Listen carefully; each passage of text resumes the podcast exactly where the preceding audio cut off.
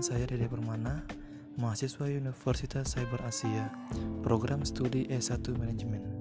Saat ini saya akan membahas tentang kasus penetapan harga minimum dan maksimum. Namun, sebelum ke sana, saya akan menerangkan pengertian dan tujuan dari penetapan harga minimum dan maksimum tersebut. Bentuk intervensi pemerintah dalam ekonomi mikro adalah kontrol harga. Tujuan mengontrol harga adalah untuk melindungi konsumen atau produsen Bentuk kontrol harga yang paling umum digunakan adalah dengan penetapan harga dasar atau floor price dan harga maksimum selling price.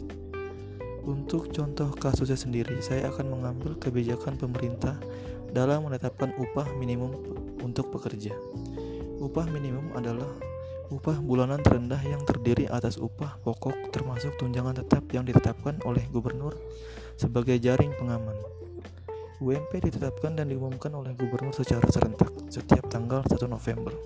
Selain UMP, gubernur juga dapat menetapkan UMK atas rekomendasi Dewan Pengupahan Provinsi dan rekomendasi bupati atau wali kota. Upah minimum yang telah ditetapkan berlaku terhitung mulai tanggal 1 Januari tahun berikutnya dan ditinjau kembali setiap tahun.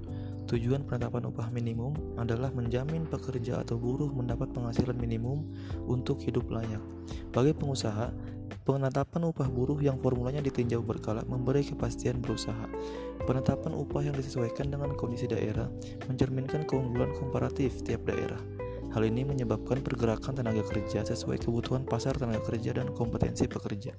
Yang perlu diingat dari penetapan upah buruh adalah tujuan dasarnya, yaitu memberikan kesejahteraan kepada para pekerja dan mempersempit kesenjangan pendapatan. Terima kasih.